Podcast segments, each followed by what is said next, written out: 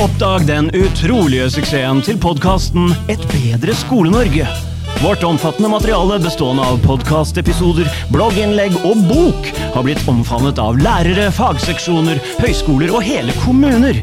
Fra Finnmark til Agder, fra Bergen til Indre Østfold har profesjonsutøvere bekreftet nytteverdien. Lytt til vår inspirerende podkast Et bedre Skole-Norge, og bli med i bevegelsen som forbedrer skolen innenfra til det beste for barn og unge.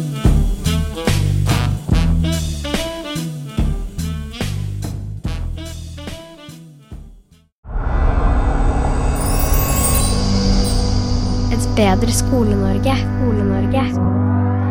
Velkommen til Et bedre Skole-Norge. Jeg er programlederen Øyvind Børven, og i dag har vi besøk av Khalid Assam. Folk lo da vi startet podkast, men nå starter vi festival. Det er kanskje å dra på litt, men Erlend Kobro, som jeg kjenner fra før, han og kompanjongene hans har tidligere holdt en festival som heter Læring på digitale flater.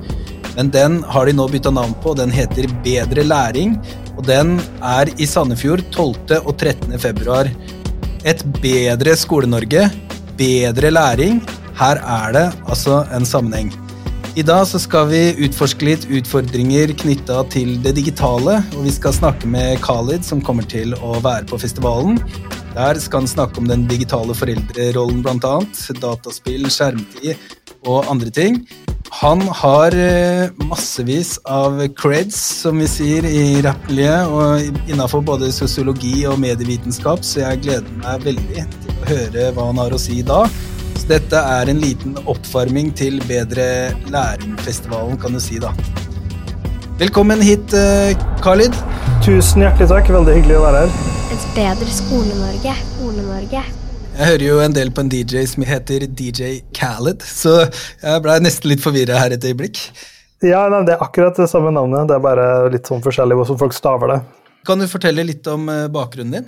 Jeg har en litt sånn rar bakgrunn. for Jeg jobba i rundt sju år eh, ved Medietilsynet eh, tidligere. Jobba med dataspill, så porteføljen. Og så i tillegg så hadde jeg mye ansvar i forhold til barn og medier, skjermbruk, den type problemstillinger. Også det videre mediereguleringsbildet, inkludert kinofilm, da, som veldig mange kjenner til. Så fikk jeg litt nok av det etter hvert, og hadde jo da med meg en litt sånn kjedelig, grå interesse i dette med medieregulering, som ikke de fleste går rundt og bærer på, og valgte da å bli stipendiat. Og har da jobba i fire år med å skrive en avhandling om tematikken digitalt foreldreskap. Fokus både på det foreldre gjør i sin hverdag, og de utfordringene de står overfor, særlig i et, i et risikoperspektiv. Men i tillegg så har jeg også hatt et fokus på dette med medieregulering, og særlig dataspillregulering, som er noe som påvirker oss alle, men som vi egentlig vet veldig lite om. Og dermed har jeg en slags parallell interesse både i de folkelige perspektivene, hvordan vi tenker om det her i vår hverdag, kombinert med den litt sånn derre bak kulissene historiske mediereguleringer som foregår parallelt. Og jeg mener jo at disse to henger veldig tett sammen. Veldig spennende. Jeg må jo si det, jeg har jo en datter på 14 år, og hun, vi hadde en sånn diskusjon om skjermtid. Og så sa hun ja, men det er jo på telefonen livet mitt er, liksom. Og jeg tror mange foreldre kjenner seg igjen i det. At, eh, at ungene, ungdommene kan sitte på rommet sitt og være sosiale over, eh, via de digitale dingsene. da. Og så er det litt sånn at man eh, føler seg kanskje litt bakpå som forelder. Jeg har skjønt du skal snakke mer om den digitale foreldrerollen da på Bedre læring-arrangementet? Ja, i hvert fall som et inngangsparti, tenker jeg. da, For det, det, er jo ofte det, det nære og det kjente som er et godt utgangspunkt for å forstå den mer større konteksten. Det store utfordringa med dette med digitale medier er at vi alle bruker det. Det er vi, vi sjøl som kjøper det til barna. Så vi måtte føle kanskje litt sånn en, en, en tvetydighet rundt skyld og ansvar osv. Og så er det jo sånn at i hvert fall i, i vestlige samfunn så er det vi som foreldre, vi som brukere, eh, vi som voksne, som har ansvaret for å skulle regulere det her og sette grenser. Og det vi har til hjelp for å gjøre den jobben, er et ganske tvetydig bilde bestående av eh, det medier produserer av nyhetsartikler, og det som forskningen produserer av funn. Det er ikke akkurat noe, noe, noe fasit med to streker under svaret å finne der. Så man står i en slags sånn dobbelt klem. altså Det er du som har ansvaret, eh, men sorry, Mac, vi har egentlig ikke noe sånn eh, fast svar på hva du bør gjøre. Jeg har vært veldig i tvil der, fordi noen skoler snakker om at de, de, må jo holde på med dannelsesprosesser i forhold til det digitale også, så de ønsker jo absolutt ikke å ha mobilforbud. Men så har vi jo kanskje erfart at hvis vi legger vekk alle mobiler, så ser vi at det blir en helt annen konsentrasjon i gruppa. Sånn at det er sånn at uh, folk er veldig i tvil om hva som er best å gjøre, og så sier forskningen sier eh, forskjellige ting også. Altså Plutselig kom det noe forskning fra NTNU som mener at å skrive med blyant er det beste, men så er det jo mye mer nyansert uh, enn som så, fordi noen ganger kan jo fysiske læremidler være mest hensiktsmessig, andre ganger er helt klart det digitale mest hensiktsmessig. sånn at det blir en sånn, sånn veldig hengemyr, på en måte. Men jeg har forstått det sånn at, at det har vært en viss utvikling over tid med regulering av medier, og, og at uh, det har endra seg en del. da. Ja, og det er jo en endring vi har vært med på alle sammen, uten å kanskje tenke på det, føle på det. Eh, vi, jo, vi som er litt eldre, er jo vant til kino som institusjon. Du går dit, og så er det en fysisk person. Eh, og hvis du ikke er gammel nok, ikke har billett eller hva det måtte være, så blir du fysisk stengt ute. Dette er jo den tradisjonelle måten å tenke medieregulering på. Staten. Staten tar ansvar, staten sensurerer. Jeg har sjøl sittet og bestemt aldersgrense på kinofilm, så jeg måtte vært en del av det apparatet som nå er på vei til å bli eh, privatisert. Eller en slags mellomløsning, da. Eh, men så særlig inntog av internett eh, på 80-tallet, 90-tallet, og teleko eh, telekommunikasjons- og telekom, førte jo til at man, et litt sånn siræva byråkrati var ikke helt i stand til å skulle håndtere det her. Dette er jo Silicon Valley, dette er surfebrett og solbriller på, på, på nattklubb-type kule ting. Da. Så da ble fokuset på det som man kaller for sjølregulering, selvregulering. Um, og da skulle da industrien ta ansvar, fordi industrien det er de som kjenner produktet sitt best. Det er de som er måte, raskest til å reagere og har mulighet til å reagere fort. Eh, så tanken var at regelverk og, og gamle byråkrater de klarer ikke å henge med i svingene. Dette håndterer industrien. Så har det gått sin tid, og vi har jo sett at eh, industriregulering, som vi ser mye av i den dag i dag, sånn som dataspill i Norge, er jo regulert av av europeisk dataspillbransje. Eh, tilsvarende ser man ulike Facebook-initiativ og eh, sosiale plattformer som har sine egne sånne satsinger. Det ble etter hvert en, en, en, naturlig skepsis til det her, da, for det er en sånn klassisk eh, bukken og havresekken-eksempel. Og da så man en økende grad, nå snakker vi begynnelsen av 2000-tallet, fokus fra EU særlig, på eh, koregulering, samregulering. Delvis at bransjene gjør det, men da med en slags involvering av, av um, myndigheter. Eh, etter hvert så, så viste det at dette ikke nødvendigvis er den perfekte løsninga, fordi at eh, den involveringen fra nasjoner og fra EU blir oftest veldig symbolsk, mens alt egentlig bare putrer og går som vanlig. På internettfronten så var det særlig sånne fokus, eh, sånn som mange som sikkert har hørt om Safer Internet for Kids, Better Internet for Kids, store europeiske satsinger som stort sett bare har resultert i sånne guidelines og noen ambisjoner og noen mål, men egentlig veldig lite konkret. Eh, og det som konkrete som ble oppretta sånn på tidlig 2000-tall, så var det gjerne sånn en, en hjelpelinje du skulle ringe for å få noe hjelp med noe bullying eller hva det måtte være for noe. Det var det gjerne noen skriverier og en liten seremoni, og så var kanskje den betjent i en måned, og så etter det så var nummeret egentlig dødt. Så eh, regulering koster penger. Uh, veldig få vil egentlig ta den kostnaden, og hvis du ikke uh, har enten pisk eller gulrot, så er det kanskje litt vanskelig å få det igjennom. Hvis vi da ser nå, mitt fokus i hvert fall de siste sånn, ti årene, så ser man i større grad at uh, dette ansvaret har beveget seg videre. nasjoner, enkeltland, er kanskje ikke så interessert i å ta i det, for det er veldig vanskelig å avgjøre. Er skjermbruk, er dataspill skadelig, ikke skadelig? Den debatten har rast i 40-50 år, kommer gjøre det i 40-50 år til. Tror, ne tror neppe vi kommer frem til noen fasit. Veldig vanskelig å skulle ta en, en, en avgjørelse der. Men de her store overnasjonale eller supranasjonale institusjonene, Verdens helseorganisasjon, FN, EU, de har i større grad begynt å ta initiativ og innføre visse retningslinjer og i noen tilfeller eh, reguleringer. Eh, bare for å nevne noen konkrete eksempler, så I 2019 så kom jo Verdens helseorganisasjon med skjermtidsanbefalinger. Det ble skrevet veldig mye om det her. 2021 blir de adoptert av Helsedirektoratet, omtrent sånn ordrett sånn som de var definert. Vi ser også dette med dataspill. Eh, det har blitt innført en eh, såkalt eh, spilleavhengighetsdiagnose, eller gaming disorder, som heter på engelsk. Denne kommer opprinnelig fra Verdens helseorganisasjon. Grunnen til at jeg tror dette i større grad kommer overfra og ned, er at det her er ikke rene faktadebatter, det er ikke rene vitenskapelige debatter. Det er en kombinasjon av politikk, historikk, samfunnshensyn og forskning. Og når man har en så stor eh, arena å spille på, så er det, må man i større grad finne et slags konsensus som alle kan enes om. Og for I kontekst av den spilleavhengighetsdebatten så har det vært antyda at det særlig har vært press fra Sørøst-Asia, Kina særlig, knytta til det å få til en diagnose. Så det er en utvikling, og det er eh, prosesser i endring. Og vi ser det nå i større grad kanskje med at det kommer mer handlekraft i form av eh, konkrete forbud eller reguleringer osv.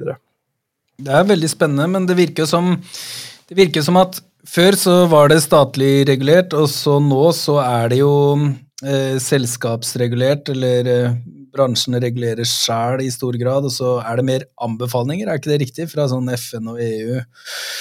For læreren som står i klasserommet, da, så blir det Eller rektoren som er på den ene skolen, så blir veldig mye opp til den enkelte. Samtidig virker det som det er mange aktører som har sin agenda, som kanskje vil tjene penger på iPader eller forskjellige ting. da. Sånn at det er eh, interessant farvann å navigere i, da. Det er ekstremt komplisert, og det ser man f.eks. i den eh, FN-rapporten, som i norske medier stort sett skildres som en sånn veldig binær at liksom mobil i skolen, det er det å sitte på mobiltelefon og chatte med vennene sine og mobbe osv. Det er mobilbruk. Mens i, i den FN-rapporten så snakker man jo alltid fra hensyn i forhold til data, som da er opp mot disse kommersielle aktørene, hensyn i forhold til klasseulikhet, altså samfunnsklasse, eh, og man snakker i tillegg om læring og alle disse andre eh, psykososiale faktorene osv. Så, videre. så det er jo ekstremt sammensatt, og i tillegg så har du da foreldre på den ene siden med sine tanker og hensyn og, og, perspektiver, og så har du skolen med sine tanker og perspektiver, og så har du da inputen inn til skolen fra fageksperter, forskning, eh, direktorat osv. Så, videre. så det er jo eh, ekstremt sammensatt. Men det jeg tror er at når vi får disse overordna, disse eh, retningslinjene og rådene fra EU og fra Verdens helseorganisasjon osv., så, videre, så er det mye lettere for en enkelt myndighet å si jo, men se på de, da eller se på, Nå skal jo Finland gjøre det også, så da er det lettere å, å begrunne de at noen uh, har gjort et, et, et, solid stykke arbeid her, uh, og, de, og, flere har begynt å gradvis adoptere det. Så jeg tror det funker som en slags brekkstang for å få regulert nasjonalt.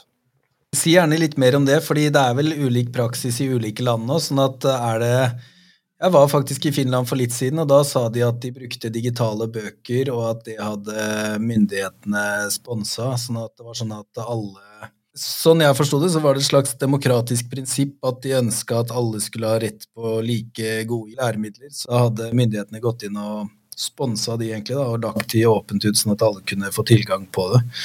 Med en slags open source-greie. Men uh, sånn jeg har forstått det, så skrev du en uh, doktorgradsavhandling om den digitale foreldrerollen. Mm. Vil, du, vil, du, dele litt om hva du fant ut? Ja, det, det gjør jeg gjerne. Um, mitt fokus det var jo dette med risiko. For tradisjonelt, når man har snakka litt om dette med foreldre og dataspill og, og fare, så tenker man enten at enten så har foreldrene rett, enten så er det genuin fare her, um, eller så er foreldrene bare paniske og irrasjonelle og gammeldagse osv. Eh, mitt fokus har aldri vært på hvorvidt dette faktisk er skadelig eller ikke. For det er en mye større, mye mer komplisert debatt, og jeg tror aldri vi finner svaret. Mitt fokus er på hvordan det oppleves, hvordan det føles, og hvordan det påvirker hva man gjør som forelder. Så det datamaterialet er bygd på, da, det er både kvantitativt, det bygger på EU-Kids eh, online-undersøkelsen som eh, professor Elisabeth Stakstrud ved Universitetet i Oslo har samla inn. Eh, og så har jeg også samla inn egne data, kvalitative intervjuer som er gjennomført under covid-pandemien. Det blir selvfølgelig farga av det. Det var videointervjuer. Og det jeg ser da særlig, et fenomen som er å forvente, men ikke i så stor grad som vi fant det, eh, det er at dette, særlig med dataspill, er ekstremt eh, kjønna. Eh, bekymringer knyttet til dataspilling er på det nivået for gutta at en gutt som bare liksom lefler med dataspill kanskje en gang i uka, time i uka, vekker mer bekymring enn en jente som er hardcore gamer. Så det er nesten kalle for overkjønna eh, med tanke på eh, frykt for dette mediet. Jeg er ganske sikker på at hvis vi hadde reversert det og sett på sosiale medier i stedet, så ville det tilsvarende vist seg for jenter. Da. At det er en, det er en velbegrunna frykt for uh, gutter versus jenter. altså All historikk, all forskning viser jo at gutter i større grad har tendenser til å bli avhengige og um, utvikle negative psykososiale symptomer osv. Men ikke i så stor grad at han gutten som spiller bitte litt, er mer bekymringsvekkende enn jenta som spiller massevis. Uh, og Det viser jo også dette med blindsoner, og det viser litt den der, jeg tror alle, kanskje at vi er litt hovmodige. Jeg har gamet hele mitt liv, jeg kan her tankene. Men de spillene som kommer i dag, og de utfordringene som er knytta til de, er ikke nødvendigvis det jeg sto i som tenåring, som barn eller som ung voksen. Så det er noe med at vi kanskje låser oss litt til det vi kjenner til. Og ja, i, to, i 2010 så var dette mye gutteproblemer, og det var stort sett guttene som hadde utfordringer med det her. Men vi ser en, en fremvekstende generasjon med unge jenter som har dårlig sosial støtte, lite, sosiale, lite venner, Eh, og som da er i en veldig risikosone med tanke på å utvikle problemer. Eh, ikke bare problemer knytta til si, avhengighetsproblematikk, men det kan jo også være sårbarhet i forhold til grooming og det å komme i kontakt med eh, voksne med ulike motivasjoner, for å si det sånn. Og så kan jeg også nevne at jeg så jo på dette med aldersgrenser knyttet til dataspill. Som du var inne på, er jo eh, industrien sjøl, spillindustrien, som faktisk setter disse aldersgrensene. Organiseringa er litt mer komplisert, det er litt involvering fra ulike medlemsland. Jeg har sjøl vært involvert i det systemet. Men det jeg fant når jeg snakket med foreldre, det var at ingen som egentlig visste hvem som gjorde denne jobben. Så det er jo litt den der eh, klassiske om det er keiser Wilhelm-sitatet med at sant, politikk og pølsefabrikker altså du, Det er ting du ikke vil vite hvordan fungerer. Og litt sånn med, med aldersgrense på dataspill, at du vil egentlig ikke helt se hvordan det fungerer. Det er både komplisert, men det kan også hende at det, du blir eh, mildt sagt sjokkert eh, når du får vite at å ja. Eh, og, og, og, det her fører jo til mye konflikt på bakkenivå. Eh, i foreldremøter, i familien, i møter med andre foreldre. For man går inn med helt forskjellige forståelser av hvordan verden henger sammen. Fordi når vi ikke har nok kunnskap, eh, og det mener jeg ikke at det er kunnskap du skal ha, jeg bare mener at dette er et utydelig, eh, lite gjennomsiktig bilde. Når du ikke vet nok, så begynner man å lage sine egne sant, folketeorier. Det gjør også, det gjør alle sammen. Og da møtes disse folketeoriene og skaper konflikt for at man aldri helt forteller hva man egentlig tror. Jeg tror at det er EU, jeg tror at det er USA, osv. Eh, jeg la også merke til det at det var veldig mange foreldre som trodde at eh, dette var veldig amerikansk. At det var amerikanske aldersgrenser, og derfor så kunne du se bort fra alt som handler om nakenhet osv. Så, videre. så det er jo eh, indikasjon på at det er veldig mye forvirring, veldig mye usikkerhet. Og denne forvirringa og usikkerheten skaper en del konflikt, rett og slett. Når man skal navigere i denne digitale tidsalderen, har du noe verktøy som eh, lærere kan bruke eller ta i bruk for å prøve å gjøre det så klokt som mulig? Mitt inntrykk da, som en litt sånn outsider fra skolesystemet, er jo at det virker litt sånn at de som er gode på å bruke digital teknologi i skolesystemet, de er nok mer i stand til å lære meg eh, om det her. ikke sant? Så eh, det er litt vanskelig å skulle måtte komme med en sånn veldig um, hardbarka råd, men jeg tror nok at um, disse tingene som jeg har snakka om, da, eh, denne usikkerheten, tvetydigheten, er jo ting som heller bør diskuteres, litt sånn metadiskusjon, holdt jeg på å si, eh, fremfor at man bare kjører på med disse frontene. da. Eh, så hvis man skal overbevise en kollega eller man skal snakke med foreldre som er veldig bekymra, så tror jeg det er mye bedre å åpne opp for alle disse synspunktene og disse følelsene. Det er ikke rart at vi har ulike synspunkter på det her. Det er et ekstremt komplisert, ekstremt rotete, eh, lite gjennomsiktig bilde eh, som vi opererer med. Eh, og la oss heller få frem hva vi tror, hva vi mener, hva vi føler om det her, fremfor at vi skal stå på hver vår side og skyte ut forskningsartikler mot hverandre. Jeg tror ikke at per dags dato forskninga er der du kommer å finne fasiten, men forskninga kan selvfølgelig bidra til å indikere noe, eller si noe om hva som er veldig ugunstig, eh, eller hva som kan være veldig lurt, men kanskje ikke hva som er midt imellom. Spennende. Er det noe mer du tenker vi burde si som, eh, som kan være nyttig både å vite før eh, Bedre læring-festivalen, men også for lærere i Norge, da? Ja, altså jeg tenker jo særlig dette med uh, regulering. At jeg vil jo anbefale alle å være litt sånn bevisst på det, tenke på det. Uh, hvordan, hva tror du sjøl? Hvordan tror du sjøl dette henger sammen? Hvem er det som gjør jobben? Hvem er det som regulerer internett? Hvem er det som regulerer meta? spill, appene på mobilen din? hvordan alt det her fungerer? For det, er det bildet vi lager oss sjøl i hodet, det er det vi ofte opererer etter. Eh, og det bildet trenger ikke å ha noe med hvordan virkeligheten henger sammen. Så det er for meg en veldig viktig del av det at vi blir bedre kjent med hvordan vi tror verden fungerer, og så kan vi snakke med utgangspunkt i det, i stedet for at vi bare skal gå rundt og sable ned folk som har feil eh, forståelse. Bare for å ta et eksempel her, så har jeg inntrykk av at TikTok det er fra Kina, er det ikke sånn? Og så er det sånn at i Kina så er det mye mer videoer om kinesisk historikk og forskjellige sånn læringsvideoer, mens i Vesten har jeg inntrykk av at det er litt mer så lenge det er noe som er vitalt og som er litt sånn spennende å se på, så er det det som det er mest av. Da. Så man får jo litt sånn følelse av at vi hva skal jeg si, blir litt dummere kanskje nesten av å holde på med det, eller la unga våre holde på med det. Det er jo en uh, veldig interessant uh, debatt. Uh, akkurat den, det eksempelet du nevnte der, jeg, jeg vet ikke sjøl om det stemmer, men jeg er veldig, kjent, med den, jeg er veldig kjent med den fremstillinga av at det er sånn. og det, det, er jo i tillegg en veldig stor problemstilling knytta til geopolitikk her. Eh, sånn som Telegram og TikTok, eh, russisk og kinesisk, som statlig ansatte i Norge har fått en anbefaling, en sterk anbefaling om å ikke ta i bruk. For, eksempel, for at man vet ikke helt hvor denne dataen går.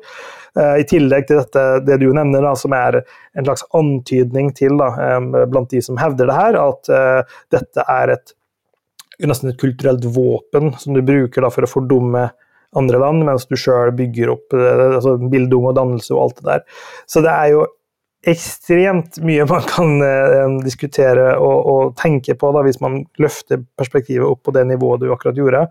Uh, så det er uh, nok noe vi kommer til å bli mer av i forhold til at man kommer til å begynne å bannlyse den appen. og Det var eksempel nå nylig med den taxi-appen i Norge, i Njango, som sendte data til Russland. Og, så det er eh, ekstremt komplisert. Og jeg tror kanskje dette med data, sikkerhet og personvern Litt sånn der, ok, Det er litt kjedelig, det er noen, knapp du må, det er noen sånn accept-knapp du må trykke på.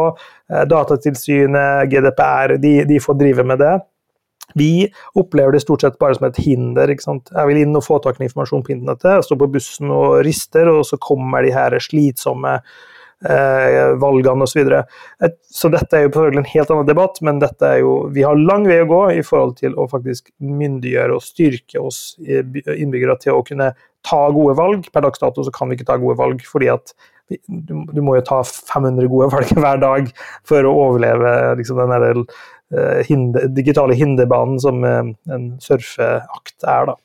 Ok, da, da, tenker jeg å gå mot en oppsummering, og det vi kan si er at Tidligere så var mediene i større grad eh, regulert av staten, men etter internettets inntog så har det blitt en mer selvregulering fra bransjen. Det har også vært samarbeid, en slags koregulering mellom f.eks. EU og bransjen, vi ser at eh, de mm, multinasjonale organisasjonene som WHO, FN og EU tar initiativ og ønsker å i hvert fall komme med anbefalinger.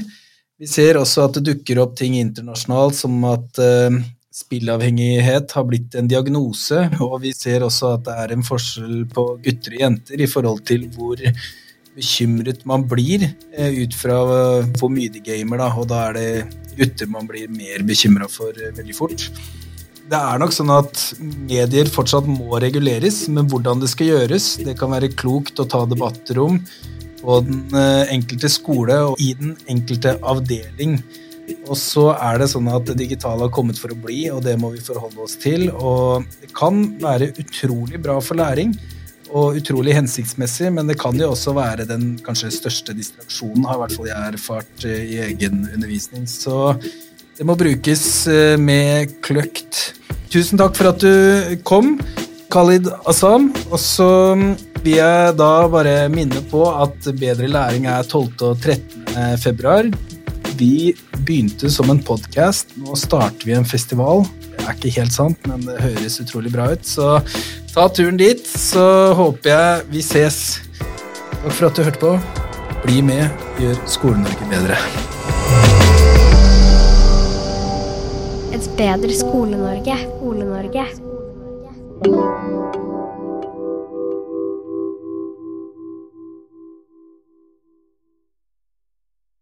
Du kan bli med å skape et bedre Skole-Norge. Podkasten har allerede rundet 100 episoder, fulle av forskningsfunn, oppskrifter, suksesshistorier og praktiske løsninger. Gjør som 60 000 andre, eller hver tredje lærer i Norge. Bli med på reisen mot å skape en bedre fremtid for barn og unge. Et bedre Skole-Norge.